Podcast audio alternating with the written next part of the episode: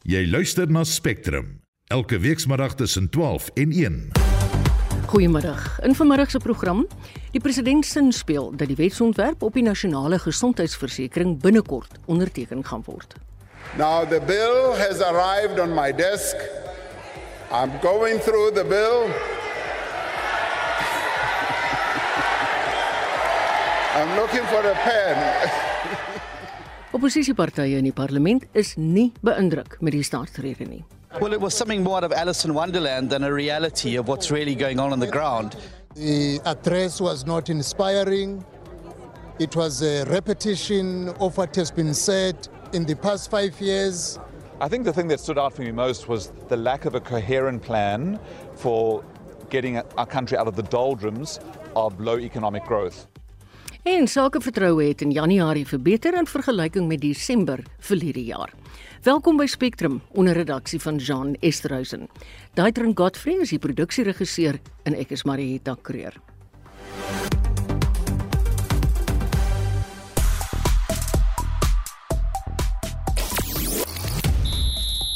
‘n Multimiljard rand belegging in SA Rugby en die Springbokke is sodat sy 'n uitgemaakte saak en ons vroue Protea cricketspan staan op die drempel van geskiedenis in Australië.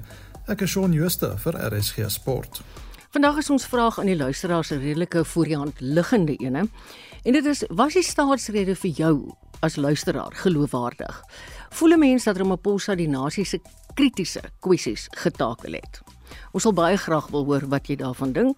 Stuur gerus vir ons 'n SMS na 45889 teen rand 50 of 'n WhatsApp stemnota na 076 536 6961. Spectrum, jou middagnuusprogram op RSG.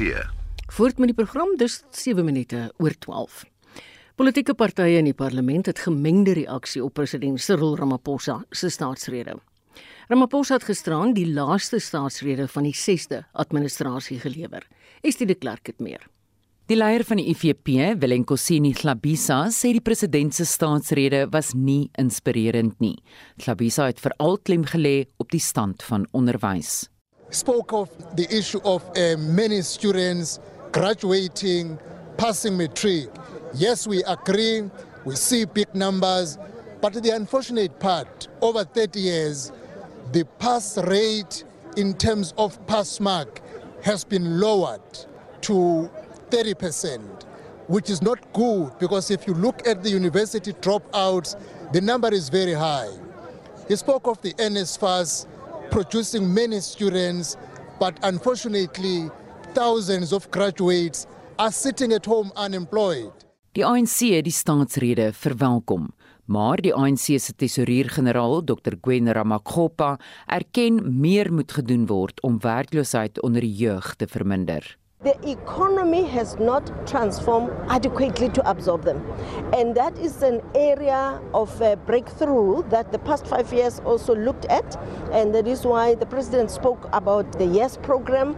Uh, amongst others, we have introduced a novel program of teacher assistance by these young people that have degrees but were unemployed.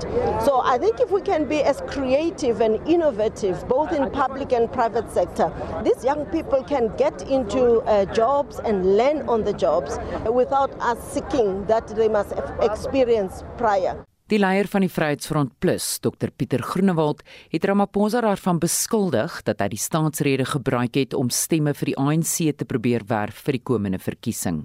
Dit wat hy gesê het, is ver verwyder van die werklikheid. Een voorbeeld is byvoorbeeld dat hy gesê het dat die regering het werksgeleenthede en besigheidsgeleenthede vir jong mense in Suid-Afrika geskep. Die werklikheid is dat die werkloosheidskoers vir die jeug in Suid-Afrika meer as 60% is. Hy het al 5 jaar gelede vertel dat hy gaan damme bou en dat hy hoëspoed sneltreine gaan bou, maar daar het niks daarvan gekom nie. Hy spog daarmee dat 95% van huishoudings het lopende water in hulle huise. Dis eenvoudig onwaar. Hulle mag krane in hulle huise hê, maar daar's nie lopende water in daardie krane nie, want die infrastruktuur wat dit moet voorsien, het in duie gestort as gevolg van swak dienslewering deur die regering. Die leier van die ACDP, Dr Kenneth Meshwe, voel die president het min gesê oor hoe die regering misdaad gaan bekamp.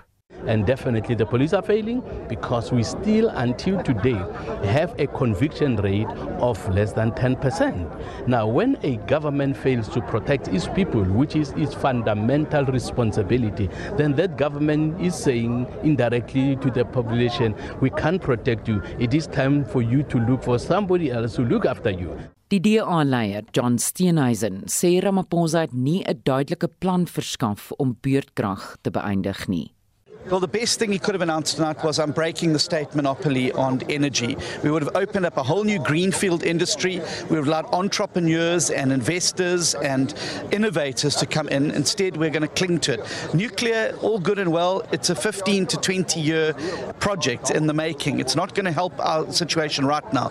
We need power in our grid, in our factories, in our homes to create jobs and grow the economy. We cannot attract investment without energy. So, what we need to do is to open up the market to break up Eskom's monopoly and allow private sector players to come in. This is how countries around the world have dealt with similar problems. They've opened up, they've let other players in, they've broken state monopolies. It's exactly the route that President Ruto in Kenya is embarking upon. He's breaking up state monopolies and allowing investment and innovation to follow. Brett Heron van die Good Party sê hy is teleurgesteld in die president dat hy nie 'n permanente basiese inkomste toelaag aangekondig het nie. We've done a lot of research actually in this space, and the fiscus can afford about a thousand rand per month with allocative efficiency. So it's about choices that the government must make around what they're going to allocate the funding to. And we can accommodate about 12 million people at a thousand rand per month between the ages of 18 and 60 who can find work. A thousand rand per month puts people just above the food poverty line and just below the lower bound poverty line. Now, South Africa has already made a commitment in the National Development Plan to eliminate all South Africans who are living below the lower bound poverty line by 2030. 2030 is now six years away, and we can't be dealing with 350 rand per month for 8 million people who have to reapply and reapply, and this grant is extended as a temporary grant in each budget. We really needed the president to come out and say, we're going to implement basic income grant or income support as a priority for government, and all other treasury allocations will fit around that. Die ANC hoofsweep in die parlement, Pemi Majordina, sê die party se parlementêre caucus sal monitor of die regering sy beloftes in die staatsrede gestaan doen. Die verslag is saamgestel met behulp van Abongwe Kobokani in die parlement. Ek is Estie de Klerk vir SAK nuus. En ons bly by die staatsrede. President Ramaphosa het in sy rede genoem die regering sal oor die volgende 5 jaar daarop fokus om kinders toegang tot vroeë kinderontwikkeling te gee en te prioritiseer. Waar mening oor die staatsrede praat ons nou met Melanie Buys. Melanie is die hoof van ontwikkeling by Solidariteit se skole ondersteuningsentrum. Goeiemôre Melanie. Goeiemôre Marita. Eerstens, wat is jou algemene indruk van die staatsrede? Wel ek ek dink dis nogal 'n mening wat al wyd gedeel is is maar die kwessie van dat die fokus op die volgende verkiesing is. Baie korttermyn dat die planne wat gegee is baie vaag is dat daar min eintlik niks konkreet eintlik uh, veral rondom onderwys is daar definitief niks konkreet aangebied nie. Ehm um, dat belangrike kwessies waaroor vrae is glad nie aangeraak is nie. So die gesprekke rondom vroeë kinderontwikkeling waarna jy so vinnig nou verwys het, is maar weer eens vaag. Dit is nou al van 2017 af in die ehm um, wysigingswet reeds voorgestel. Daar's geen verwysing gewees na die Bella wet en wat gaan daarvan word nie. So ehm um, ja, dit was maar ons algemene indrukke. Die fokus is baie korttermyn op die volgende verkiesing, definitief nie op die volgende geslag en groei van die ekonomie ekonomie vir hulle nie. Mens kry so half die indruk na aanleiding van die geluide wat hy oor kinderontwikkeling gemaak het dat hulle graad hmm. R verpligtend wil maak. Wat dink jy is hulle doel daarmee? Ek dink die voordeel daarvan sal definitief vir vir kinders wees in alle gemeenskappe dat hulle vroeër eintlik um, op 'n op 'n uh, professionele manier ook gehelp word om gereed te wees vir skool. So die voordeel daarvan betwyfel niemand nie en ek dink nie daar daar's iemand wat daar teen is nie. Dit gaan oor die uitvoerbaarheid daarvan en die koste daarvan om dit verplig te maak. En soos ek nou sê, dit staan lankal in die bella, maar dit is een van die grootste vrae oor die wysigingswet van jy kan 'n belofte maak, maar jy moet ook 'n plan en die vermoë toernooi Mm. om dit deur te voer. So op hierdie stadium ehm um, kry skole dit reg en kry kry gemeenskappe dit reg om tot 'n groot mate na hulle voorskoolse kinders om te sien en met groter steun ehm um, wat wat dat nie noodwendig in die formele sektor is nie, gaan nou ook al baie meer reg kry met beter opleiding van van kleuter weet vroeë kinderontwikkeling personeel en so aan ook. So ons sal moet kyk na 'n plan wat wat bekostigbaar en uitvoerbaar is op die op op die korter termyn en dan op die lang termyn om dit dan hopelik dan ook volledig deel van skool te maak. Ja, want is een ding om dit voor te stel, maar 'n ander ding is jy kyk na die Ja. praktyk of dit uitvoerbaar is. Ja, definitief en ek dink dit is een van die groot ehm um, goed wat gemis word in in meneer Ramaphosa se toespraak is van jy jy kan baie goeie goed sê. Ehm um, om byvoorbeeld te sê kinders kry nie werk met 'n matrieksertifikaat nie. Maar wat wat maak ons daaromtrent? Wat Mm. word aan die ekonomie gedoen om meer werkgeleenthede te skep? In dieselfde asem praat ons van die hoogste werklo jeugwerkloosheid ooit. So ehm um, hoe ry daai lei daai uh, of uh, of berei die sertifikaat hulle voor? Mm. Kwessies soos die graad 9 sertifikaat wat vorige redes genoem is, nou weggeraak. Daar word glad nie daarna verwys nie. Hy het nogal met trots gepraat van 'n deurvloei syfer wat verbeter. Ons sien dit nie. 47% van kinders wat in 2012 met graad 1 begin het, het verlede jaar geslaag in matriek. So Ja. Daar is meer as is amper 700 000 kinders wat weggeraak het in die stelsel van 1 jaar groep. Wat waar's hulle? So dit is groot probleme wat 'n mens antwoorde op wil probeer hoor en en da, Mm. en ek dink die die die groter gemeenskap is gereed om toe te tree om te ondersteun. Selfs die privaat sektor het na hulle verwys. Die prof, privaat sektor sektor sal help, maar dan moet jy iets in ruil gee. Dan moet jy groter vryheid in ruil gee. Groter besluitnemingsmag afwentel en en nie als meer sentraliseer nie. So ehm um, dit gaan oor die uitvoerbaarheid van wat hy gesê het wat ons nie antwoorde op sien nie. Ja, ek het so gehoop hy praat gisterand oor die Bela wetgewing, maar dit bekommer my persoonlik ja. nogal baie. Dink jy nie die standaard ja. vir matriek moet verander word nie, want ek meen daar word getalle soos 30% genoem en so aan. Dat 'n mens net hmm. weet jou basis van die matrikulante wat klaar gemaak het is stewig. Dit is belangrik en dit is hoekom ons dan ook al kyk um, met die verslag wat ons elke jaar vrystel om te kyk ook hoeveel kinders kom byvoorbeeld wiskunde met meer as 50% deur. Want as jy want daar's 'n groot gros wat deurkom, maar met minder as 50%. So ons probeer onderskei dan en sê daardie kinders kan ten minste iets maak met 'n kwalifikasie. So dit dit is belangrik dat ons daarna kyk. Ehm um, en en dan met die kwaliteit kan ons natuurlik sien in die deurvloei syfers op universiteit. Ehm um, en in ons werkloosheidsyfers want ek dink as jy 'n kind werklik toerus vir 'n ekonomie waarin hulle verskil kan maak, dan gaan jy dit sien uh, ook in jou in jou werkloosheidssyfers wat moet afneem.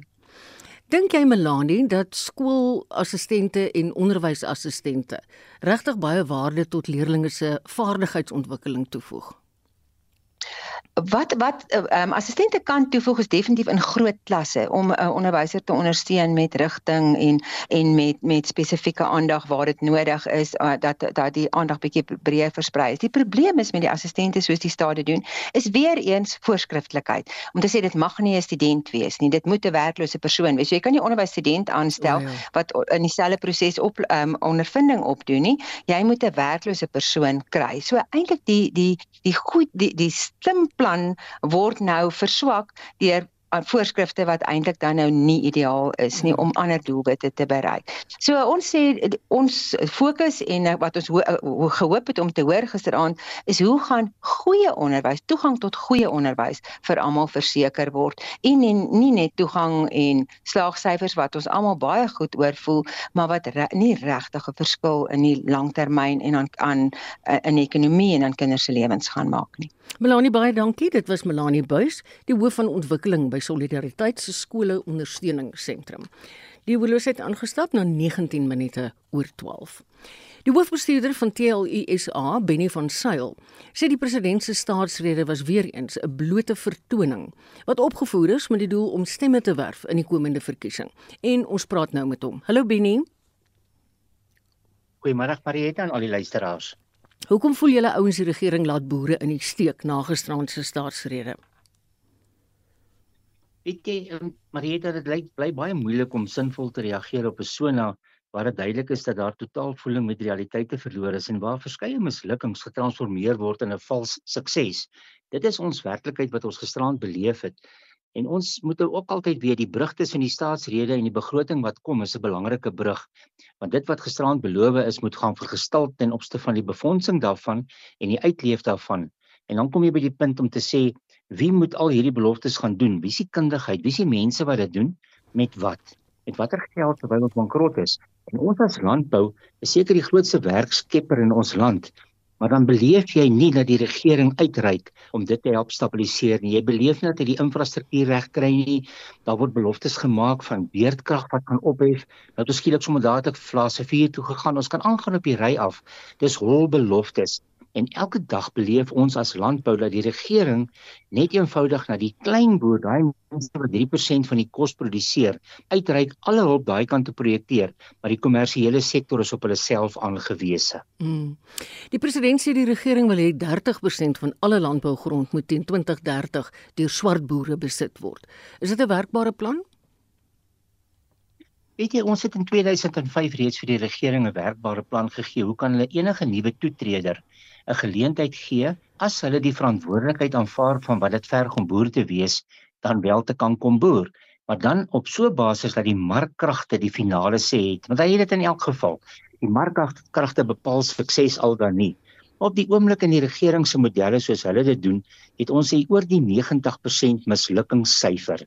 Grond wat uit produksie gaan en dan gooi jy mense in die in 'n bodemlose put in van nie bestaan nie en jy help 'n baie skaars hulpbron naamlik om mm. voedselsekerheid te help daarstel al jy dan uit die markomgewing uit.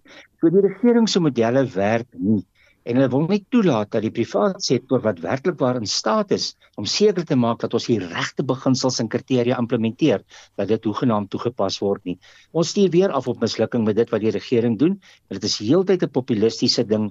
Dit gaan oor kaderontplooiing, dit gaan oor om sy eie mense daar te stel en Magita, dit is nie die pad vorentoe nie. Dit bring nie sukses nie vir sy eie mense nie en dit is mm. hartseer. Hmm.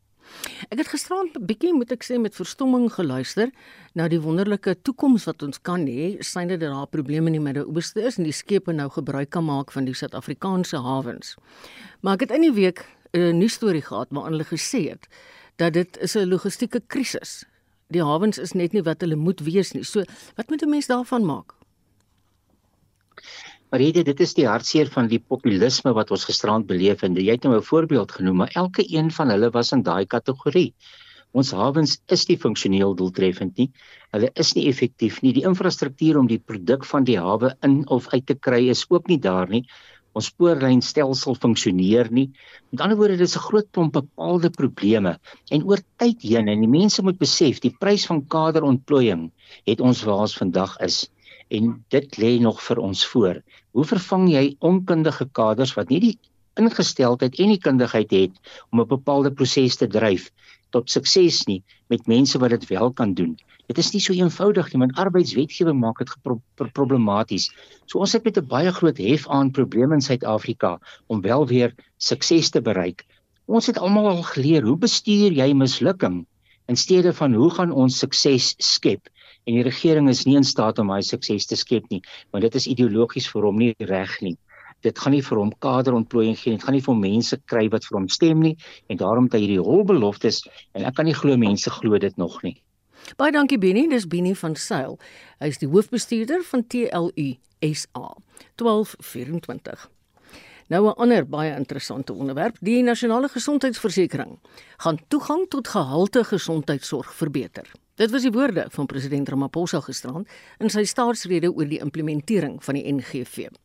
Ramaphosa het gesê hy het nog nie die wetsontwerp op nasionale gesondheidsversekering onderteken nie, maar daarop gesin speel hy wil graag 'n pen hê. Maar hy het gesê die NGV gaan in fases geïmplementeer word. En hieroor praat ons nou met Pierre Marx van Solidariteit se dokters netwerk. Goeiemôre Pierre. Goeiemôre. Hy het nie veel weggegee buiten om te sê hy soek 'n pen nie. En het ook nie baie gesê oor die fases wat hulle gaan instel nie. Het julle enige inligting meer?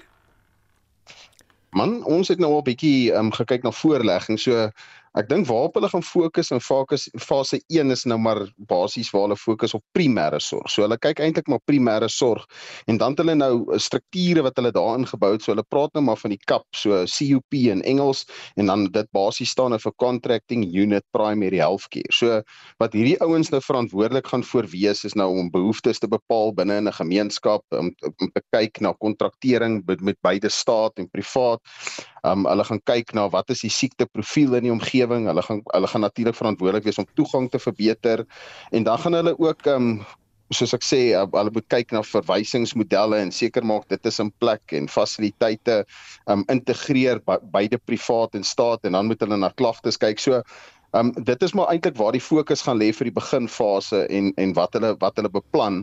Maar ja, ons ons moet nou nie ons asem ophou nie. Ek weet dit lyk altyd goed op papier, maar as dit kom by die uitvoerbaarheid hmm. daarvan is dit eintlik waaroor ons bekommerd is. Pero wat se terugvoer kry julle ouens van dokters oor die NGV? Nou natuurlik ons het baie navorsing gedoen, so ons het met dokters gaan praat in praktyk pri, beide privaat en staat en ek meen ons lees in die koerante van dokters wat nie geplaas word nie. Ons het nou onlangs in die nuus gesien mm. van die 800 mm. dokters wat werkloos sit. So die dokters is maar onder druk, hulle is oorwerk. Um, ons sit met 0.3 um, dokters per 1000 pasiënte. So dis regtig 10.3 keer minder um, dokters in ons stelsel in as 30 ander lande waar die mense afhanklik is van die staat vir gesondheidsorg. En ek meen die mense werk verskriklik baie oortyd om om om basies maar hulle roeping uit te leef. Ek meen hulle het dokters geword om te help, mm. maar hulle het eenvoudig net swak toestande, die fasiliteite is nie op standaard nie, ehm um, die higiëne is nie op standaard nie. Ek meen ons het hierdie goeters al alles in die nuus gesien verslae wat gelewer is en hulle sien eenvoudig net nie kans om onder die regering se nasionale gesondheidsversekering te werk nie. Nee, ek dink nie 'n mens kan hulle kwaliek neem nie. Is daar enige duidelikheid tot dusver gegee? Hoe raak dit mense met private mediese fondse? Ja, so privaat mediese fondse as ons gaan kyk na die wetgewing sê dit eintlik dat hulle hulle gaan maar basies soos wat ehm um, die produkte uitrol onder die nasionale gesondheidsversekering mag daai dienste nie meer gelewer word deur 'n mediese fonds nie. So as ons nou kyk na primêre sorg wat fase 1 is, dan mag hy dienste nie meer aangebied word deur 'n mediese fonds nie en almal is dan nou eintlik maar afhanklik van die staat vir daai dienste. En so soos wat dit uitfaseer gaan mediese fondse dan maar eintlik nou ehm um, weet uitfaseer en dit gaan eintlik wegval. Dit is die gedagte agter die agter die universal healthcare as ek dit so kan stel. Weet jy Pierre, ek moes onlangs iemand wat ek ken na die Helen Joseph Openbare Hospitaal Staatshospitaal hier in Johannesburg geneem. En ek eis om te dink as ek aan hierdie goed moet uitgelewer wees. Ek meen dis ongelooflik, maar dankie vir jou insig. Dis Pierre Marx van Solidariteit se dokters netwerk. Die Suid-Afrikaanse Kamer van Koophandel en Nywerheid het die pas die sakevertroue indeks vir Januarie bekend gemaak. Vir meer hieroor praat ons nou met die ekonom Richard Downing. Goeiemôre Richard. Goeiemôre Marita. Hoe die indeks vertoon vergeleke met Januarie? Ja, nee, ons kyk na Januarie, maar ek meen die staatsrede het nogal redelik teruggedelf in die verlede ook, jy weet, nostalgie opgehaal en so en ek dink dis ook miskien goed dat ons net 'n bietjie kyk na die verlede van sakevertroue. En dan sien ons in April 2007 het die indeks gestaan op 160. Maar dit is nou met 2000 is dan 100. Aan die ander woorde 60 indekspunte bo 2020. Nou in op die oomblik staan daai indeks op 112.3 nadat ons nou hierdie soort van 'n bietjie van oplewing gehad het in sake vertroue so wat die geskiedenis betref het sake vertroue ernstig teruggesak in terme van waar ons was in uh, 2007 en selfs in 94 as 'n mens nou teruggaan soontoe het die indeks op 117 gestaan. Ons staan nou op 112.3 wat ook al. So dit is 'n dis net 'n rigtingwyser vir ons dat die sake sake omgewing en klimaat is definitief nie bevorderlik op die oomblik vir ekonomiese groei en vir sake doen in Suid-Afrika nie. Richard President Ramaphosa het gisterand in sy staatsrede aangevoer dat ondanks talle uitdagings die land se ekonomie oor die afgelope 3 dekades van demokrasie positief gegroei het. Stem jy? Wel ek meen as al die positiewe groei, dit moet ons nou ervaar, maar ek meen soos 'n mens nou sien, dit is groei van 'n ekonomie waar jou per capita inkomste eintlik gedaal het. En dit beteken per capita of per hoof van die bevolking het ons eintlik almal armer geword oor tyd. En dit is waar ons op die oomblik mee te doen het. En uh, en en so die indeks wat ons nou hierso sien in terme van sakevertroue is 'n ernstige weergawe al in terme van wat is eintlik positief vir die ekonomie. En op die oomblik sien ons daar's maar hier en daar eintlik opflikkerings in terme van sekere van hierdie aanwysers want ons moet onthou hierdie sake vertroue indeks het ons meet nie wat die owerheid doen nie maar ons kyk hoe die privaat sektor reageer op wat in die ekonomie gebeur en hoe dit hoe dit positief deurvoer na die sakeomgewing toe. En wat ons dan sien met hierdie indeks is eintlik na die die die die die die die, die, die aanwysers wat ons meet in terme van waarna besigheidsmense kyk, lyk nie goed op die oomblik nie en dis wat hierdie 112.3 indeks vir ons sê vir Januarie. Nou om hom hier te hou, is dit eintlik die groot groot vraagstuk. En ek dink dis waar die staatsrede en die begroting van 2024 veral van belang is. En soos ek meen wel weer baie van die sprekers waar jy nou altyd doen gehad het, wys ons daarop dat daar is nie werk, werklik probleemoplossings ges, uh, daar ja. gestel nog nie. Ja. Die begroting word gekonfronteer met baie feitelike uitgawes wat nou in die Onisona aangekondig is. En ek weet nie of ons al die daai goed kan befonds nie. En soos jy ook genoem het jou nasionale gesondheidsversekering en daai tipe van groot groot uitgawes ja. is nog nie eens aangespreek werklik nie. Nee, hulle het nog nie 'n plan van aksie wat die wat die finansiering betref ooit gesê nie. Dis reg, dis waar ons probleme en dis waar begroting 24 eintlik krities gaan wees. Mm. Want die probleem is met 'n ekonomie wat nie vreeslik groei nie, het jy nie werklik die staatsinkomste om jou te om hierdie tipe van van drome te te finansier nie. Ek dink dis wat moet doen het. Wat ons dan doen, blykbaar, ek weet nie wat is die planne nie, maar ons moet maar hoor by die by die begroting wat gaan gebeur, maar om geld te gaan leen om nou hierdie tipe van van dienste en goed te verskaf, gaan ernstige probleme veroorsaak in terme van waar ons reeds staan in terme van staatsskuld en die rente op staatsskuld. Ek meen dit is nou meer as 'n miljard per dag wat ons rente betaal op staatsskuld. Dit gee ons net 'n idee hoe groot daai item eintlik al geword het in die begroting. En hy laat jou eintlik nie toe om eintlik vreeslike keuses te maak nie. Mm. En daar sal 'n baie ernstige besnoeiing moet plaasvind. Nie noodwendig in terme net van funksies nie, aan die ander wyse polisie of wat ook al nie. Maar daar sal ook moet gekyk word na hoeveel spandeer ons op personeel, hoeveel spandeer ons op etes, hoeveel spandeer ons op vliegtuigkaartjies en die tipe aspekte. En dit is van uh, groot belang eintlik om daai regstellings ook te maak. Maar dit is 'n moeilike proses. Ja, ja. Ek weet nie of ons dit maklik gaan regkry nie. Nee, en ek is ek dink tog ons almal het 'n redelike vermoede dat daar in elk geval ook met die staatskas gebodder is, nie in 'n positiewe manier nie. Maar baie dankie Richard, dit is die ekonom van Sakkie, Richard Downing. Jy luister na Spectrum. Elke week saterdag tussen 12 en 1. In die tweede gedeelte van Spectrum vanmiddag en dis nou 28 minute voor 1, die grootskaalse kragonderbreking in die Sentraal Karoo het 'n beduidende impak op boere in die omgewing. En ons praat met 'n kenner oor hoe jou geldsaake in jou verhouding hanteer moet word. Bly gerus ingeskakel op RSG.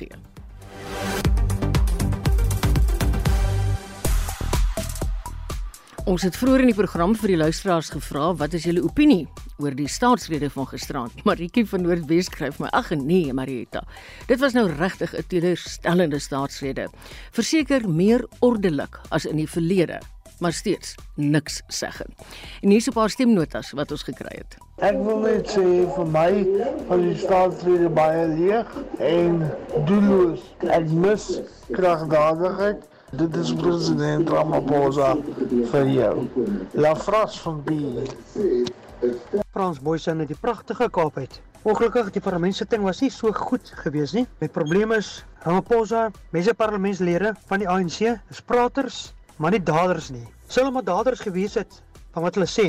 Ek dink dan sou die prentjie baie anders te gewees het.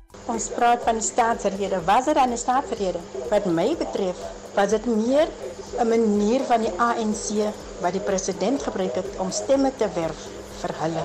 En onthou die hele land behoort nie aan die ANC nie. Daar's verskillende politieke partye, dit is soos 'n plaas. Daar's honders en daar's skape en daar's bokke en daar's makoue en daar's perde.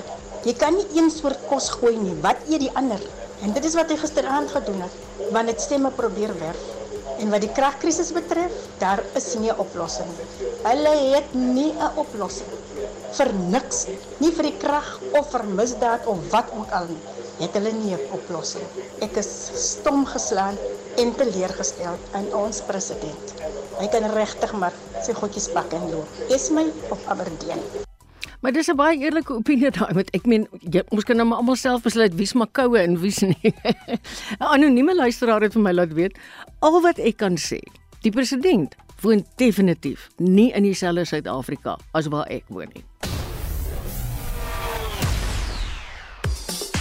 Tyd om sportveld toe te beweeg saam met Shaun Justwelle Shaun. Middag Marita. Wat sien ek in die media oor 'n multimiljoen dollar belegging in die Springbokke? Marita, volgens gerugte is 'n beleggingsooreenkoms tussen SA Rugby en Amerikaanse sportmaatskappy Academy Partners op die punt om voltooi te word. Ackerley sal so 75 miljoen dollar, dit is so rondom 1.4 miljard rand belê en dan in beheer wees van alle inkomste genererende bates van die Springbokke en SA Rugby. Die SA Rugby sal dan 'n gedeelte van hulle opbreng opbrengste gebruik om die amateurspel in Suid-Afrika te finansier. En die doel van die belegging is ook om borgskappe, uitsaairegte en ander inkomste uit te brei, so ons hou die storie fyn dop. Ja, mens hoop nou net nie hulle meng met rassiele se werk in nie. Ek sien vreeslik uit na môreoggend se beslissende eendag wedstryd tussen die Aussies en die Proteas se vroue spanne. Ek en Willem het gister lank daaroor gepraat. Van hoe laat af is hulle in aksie? Ja, die beslissende wedstryd begin, begin die oggend 5:40 Suid-Afrikaanse oh. tyd en word in Sydney gespeel. Die reeks is tans gelyk op met 1-1 in die Proteas poog om 'n geskiedkundige reeks oorwinning in in en teen Australië te behaal. Hulle die T20 reeks ongelukkig 2-1 verloor en dan is daar ook nog 'n enkel toets wat oorbly. Nou die toetsspan is ook vanoggend bekend gemaak en bestaan uit 14 spelers. Dit sluit 6 nuwelinge tot toets cricket in alhoewel hulle nie is uh, nuwelinge tot die Proteas span is nie.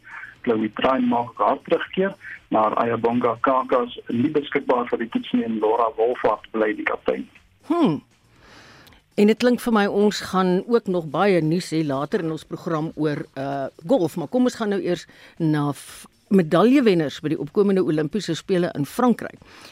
Hulle kry nou nie hierdie keer net 'n uh, brons of 'n goud of 'n silwer medalje nie, maar hulle kry ook 'n stukkie van Parys.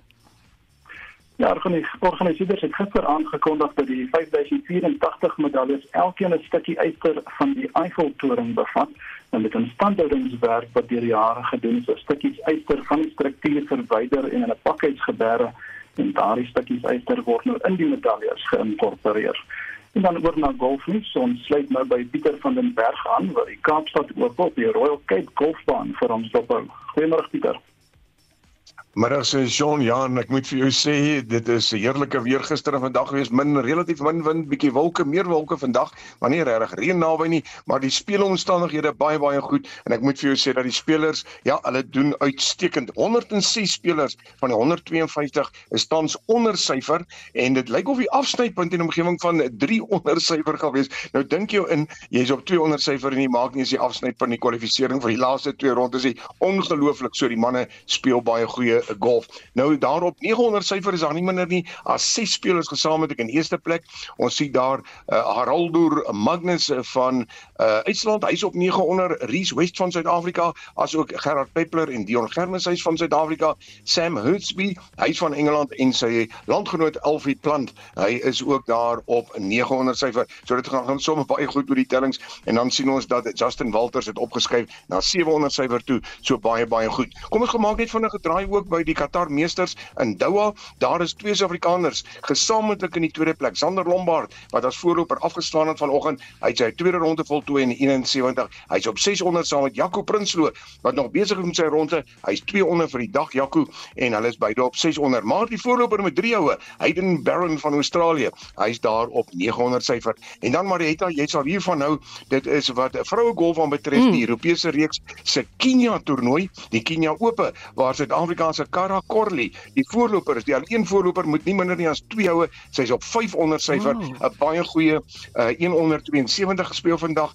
Gister was hy 400, so sy's met 2 houe voor. Ja, Hyoko Ihara van Japan is daar op 300 saam met Lauren Welch as ook uh, Eleanor Givens. Hulle is almal daar op 300 syfer. So, gaan goed met Carla Corley. Ons gesels weer in 360 Golf en dit sal wees net na 2 Marita, maar daarmee is terug na jou in die Spectrum Ateljee in Johannesburg. Goeie nuus wat daai vroue golf betref en ek moet sê dit is so 'n mooi baan daai een in Kenia. Dit was Pieter van der Berg wat vir ons die golfnuus gebring het in forum Shaun Jooste. Spectrum, jou middagnuusprogram op RSG. Miskien het jy nou onlangs ingeskakel en sê ons vir jou baie welkom hier by Spectrum. Dit is 19 minute voor 1. Die kommissie vir geslagsgelykheid en verskeie ander organisasies het ver oggend 'n media-konferensie gehou om die vordering van die Suid-Afrikaanse Olimpiese atleet Caster Semenya se so opkomende saak in die Europese Hof vir Menseregte in Strasbourg te bespreek. Semenya se saak sal op 15 Mei in die hof aangehoor word. In Julie verlede jaar het die hof uitspraak gelewer dat wêreldatletiek in gevolge internasionale wetgewing nie sonder oortuigende redes teen iemand mag diskrimineer nie. Wêreldatletiek het Semenya verbied om aan enige internasionale byeenkomste deel te neem. Ons praat nou hieroor met professor Steve Cornelius, verbonde aan die Universiteit van Pretoria. Goeiemôre Steve. Goeiemiddag Marita, gaan dit goed? Goed, dankie en met jou. Gaan baie goed, dankie. Dis goed. Hoewel Caster haar saak gewen het, gee dit haar nou steeds nie die reg om te mag deelneem nie.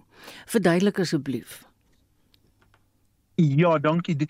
Dis belangrik om te onthou dat die, die huidige saak wat in die Europese Hof vir Menseregte plaasvind, is nie gerig teen wêreldatletiek as sulks nie.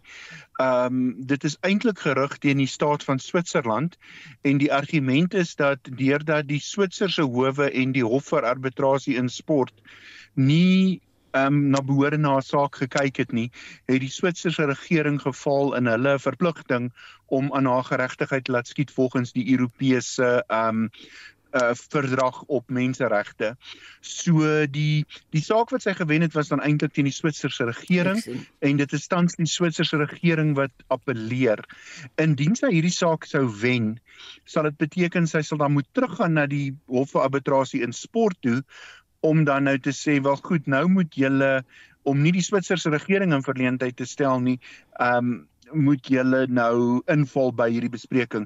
So daar's nog 'n lang pad om te gaan. Die arme Kaster, hoe mense moet eintlik fokus op jou sport en nou sal al hierdie baie sake. Nou Steve, jy is deel van Atletiek Suid-Afrika se regspan en jy gaan betoë lewer in die hof. Verduidelik bietjie.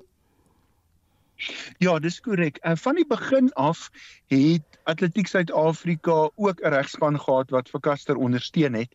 Jy weet, hierdie sake kom eintlik al um amper 20 jaar, want dit het begin met 'n Indiese atleet, um Duty Chand. En in daardie bepaalde geval 'n uh, eh, atleet, dit was die vorige weergawe van die regulasies en Duty Chand het letterlik alleen in Switserland met haar regspan die saak gevoer. So toe Casper Caster nou in hierdie opgevang word, was die gevoel van Suid-Afrika af dat ons gaan haar nie alleen laat gaan nie. Sy gaan nie alleen daar wees nie en Atletiek Suid-Afrika het ehm um, iets wat eintlik buite verwagting is, haar ondersteun want weet hulle maak nou 'n geveg met hulle internasionale federasie. Mm. So dit was die wonderlike van al hierdie is dat daar 'n hele span Suid-Afrikaners saam met Caster in Switserland was en al die pad nog saam met haar loop sodat sy nie alleen hierdie pad hoef te loop nie. Ek is net bekommerd in die tyd dat hierdie finale hofsaak se vlag geval het, is sy te oud om enige atletiek te doen. Absoluut. Ek ek dink reeds die die um, skade wat gedoen is aan haar loopbaan mm. uh, is waarskynlik onomkeerbaar. En um, ek dink sy veg nou doeteenvoudig vir ander atlete wat in dieselfde posisie is. Ja. Caster self gaan waarskynlik nooit die die die vrugte hiervan pluk nie, maar sy gaan sorg dat ander atlete nie op dieselfde wyse hanteer word nie. Ek het net nou 'n visuele beeld gesien op televisie van haar by die sy by die middagkonferensie vandag. Uh, ja, ek het verstaan sy was daar. Ek het kon ongelukkig nie dit daarop inskakel nie. Nee, ek het my verbeel ek sien haar daar, maar sy lyk baie in beheer moet ek vir jou sê, Steve. Ehm um, selfs toe ons in Switserland by die hof vir arbitrasie was, het die arbitrasiepaneel vir haar gesê, hulle het nog nooit iemand gesien wat met soveel waardigheid ag sis. Ehm um, hierdie tipe sake hanteer nie, want sy is regtig as as mense haar veral in persoon ontmoet en en ek meen op die sportveld lyk sy anders as wat sy soos ons almal maar sou doen as as wat sy in daardie set op lyk en ehm um, sy sy's regtig net 'n doodnormale mens wat net haar lewe wil aangaan mm. en nie in die middelpunt wil wees soos hierdie nie, maar dit het nou op haar skoot geval en uh daar's daar's verskrikwekkende stories wat van die ander Afrika atlete wat ook opgevang is vertel. Mm. En ek dink dit is wat vir Caster aan die gang hou om te sê maar ek gaan nie toelaat dat hulle dit aan atlete doen nie. Mm maar baie goed vir haar. Dankie Steve, ons gaan definitief in die toekoms weer met jou praat. Dit was professor Steve Cornelius. Hy is verbonde aan die Universiteit van Pretoria en hy is ook deel van die regspan van Atletiek Suid-Afrika. Hoewel Eskom sê herstelwerk in die sentraal Karoo is opdreef na 'n massakragonderbreking Saterdag aand, het die tekort aan kragtoevoer 'n beduidende impak op duisende mense en veral boere in die omgewing. Die wydverspreide kragonderbreking het dorpe soos Roggeveld, Lyngsburg, Leeugamka en Matjiesfontein getref. Elektrisiteitstoevoer sal na verwagting eers teen volgende donderdag volledig herstel wees. Boere soos Karinus Koorts van die plaas Virginia, so wat 20 km buite Prins Albert, het die situasie so in 'n stemnota wat wyd versprei is, beskryf. Ons begin 'n probleme ondervind en ons kan nie vir ons in huise en ons werkers water pomp nie want ons het nie krag nie. Ons het nie die finansies om groot generators te koop na 'n 8 en 'n half jaar droogte nie of te huur nie die pryse is te erg en die brandstof is te hoog te duur. Ons sit met mielieoes op die land ons sit met lucerne oeste wat nou net verskroei teen volgende week maandag dinsdag sal die mielieoes seker verby wees as ons hom nie kan red nie. Ek wil net vra is daar dalk mense iemand wat kan help ons is regtig in 'n magtelose posisie. Dit voel of jou arms by jou skouers afgekap is. Jy kan niks doen nie, jy kan niks kry nie. Dit jy kan net eenvoudig daar is nie 'n pad vorentoe nie. Ons van ons diere staan sonder water wat met dompelbompe met Eskom werk. Ons het regtig 'n groot nood en 'n finansiële nood ook. Dit was 'n boer, Karinus Koorts van die plaas Virginia naby Prins Albert, wat daai pleidooi gerig het. Nou ons het ver oggend met Karinus gepraat. Jy gaan nie glo nie, maar dis as ek boere ken. Hy sê iemand het reeds vir hom 'n kragopwekker geskenk. Maar die situasie is nou nog nie rooskleurig nie. Agri Weskaap het vanoggend 'n rampbestuursvergadering oor die situasie gehad. Ons praat nou met die bestuurshoof van Agri Weskaap, Janie Strydom. Hallo Janie. Goeiemôre Marita en goeiemôre aan die luisteraars. Wat is die situasie met boere in daai Karoo omgewing en wat is aan julle gerapporteer? Ekskuus tog ja, Marita, dit is 'n groot uitdaging. Ek dink in jou inleiding het jy dit gesê en ons het nou gehoor van Karinus ook. Ehm um, dit is regtig 'n groot uitdaging want eh uh, van Saterdag nou af en met die vooruitsig na na Donderdag die 15de toe, dis 'n dis 'n lang trek en uh, ja, om nie krag te hê nie as jy nie selfvoorsienend is of al alternatiewe energie op jou plaas ingebring het, sonpanele uh, um, of genoegsame uh, kragopwekkers nie, dan dan is die nood nou groot.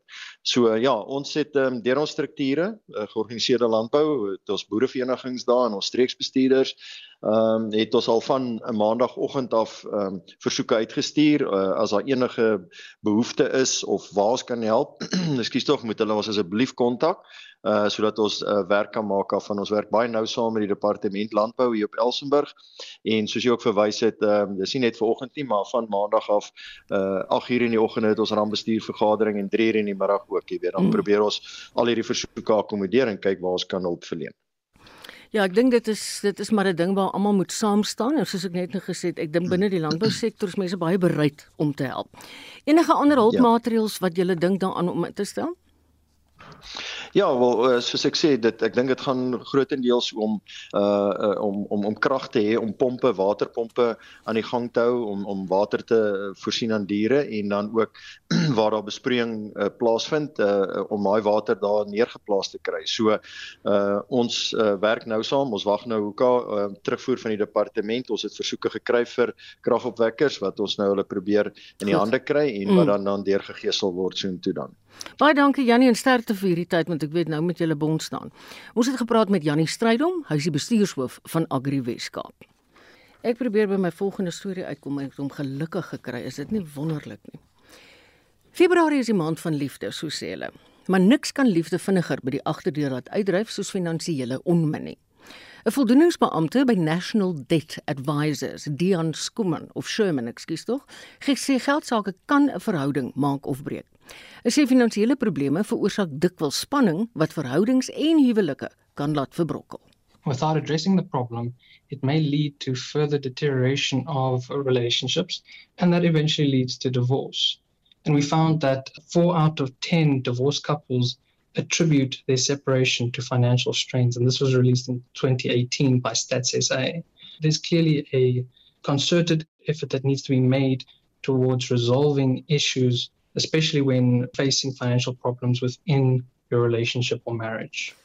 Bedreig te veel skuld te verhouding. Well, excessive debt threatens a relationship by causing conflict related to spending secrecy and financial management.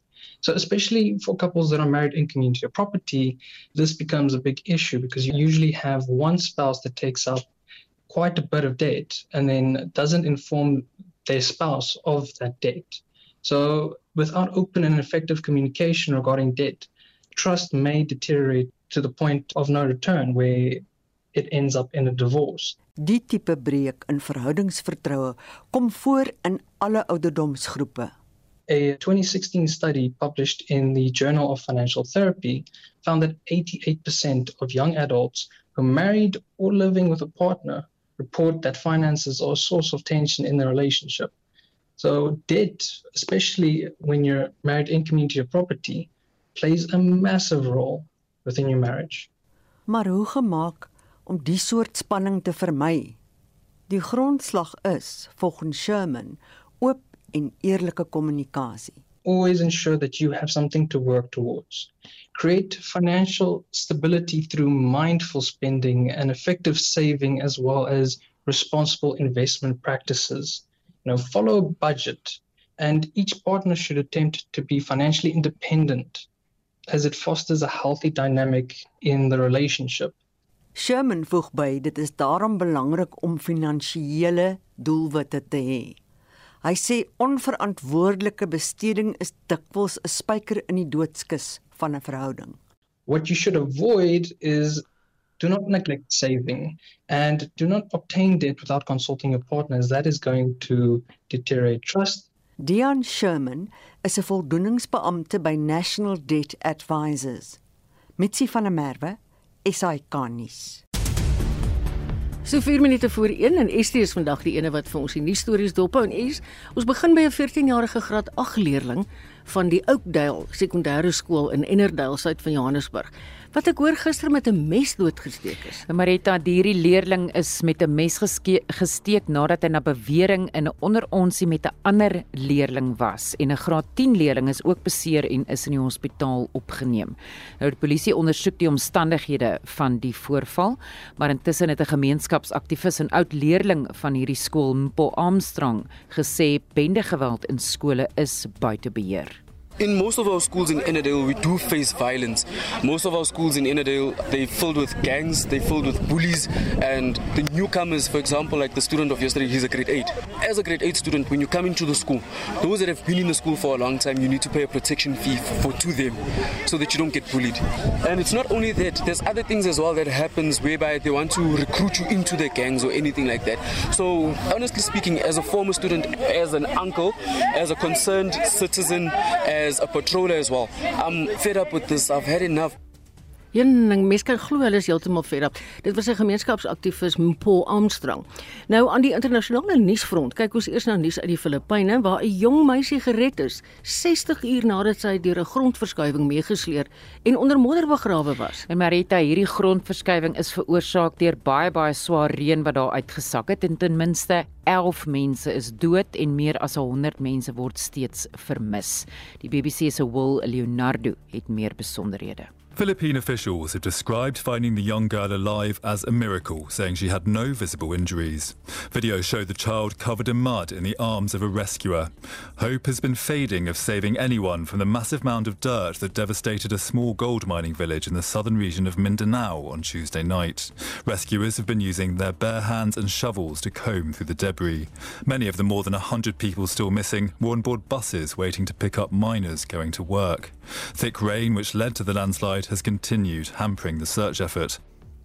In verkiesingsnuus in die FSA is Donald Trump nog 'n stappie nader om die Republikeine se presidentsiële kandidaat te word nadat hy die verkiesingskaukus in, in die deelstaat Nevada gewen het en Trump het ook die kaukus in die FSA se Virgin Islands gewen. Die BBC se Anthony Zucker doen verslag. O, en dan gaan ons aan na ons volgende storie toe Maretta. In Pakistan word stemme steeds getel nadat 'n algemene verkiesing gister in die land gehou is. En ons sal onthou die internet is geblokkeer ja, vir vir stemdag. En die twee politieke partye van die voormalige eerste ministers eh, Nawaz Sharif en Imran Khan wat op die oomblik in die tronk is, het onderskeidelik verklaar dat hulle wel 'n kabinet sal kan vorm. Nou Khan se party het nie in hierdie verkiesing as onafhanklike party gestaan nie, maar die party het verskeie ander onafhanklike kandidaate onder ondersteun. Die BBC, BBC se Carolyn Davis. Overnight, social media was awash with victory videos from candidates, but few results have been officially announced by Pakistan's election body. The count is unusually slow, hampered, according to officials, by the fact that the new election management system couldn't work because the internet had been cut. The longer the delay, the louder the accusations of vote rigging grow on social media. Mr. Sharif has been widely seen as being the Pakistan military's favoured candidate, while Mr. Khan is in jail. In 2018, Mr. Khan won, while Mr. Sharif was the one in prison. Ja, mens moet 'n bietjie glimlag daarvoor. Dit was die BBC se Caroline Davies tyd vir ons om te groet. Namens regisseur uitvoerend Nicoline Lou, die redakteur Jean Oosthuizen, produksieregisseur Daitron Godfrey en Estie de Klerk en al die ander wat saamgewerk het. Ek groet net tot 3 uur. Totsiens.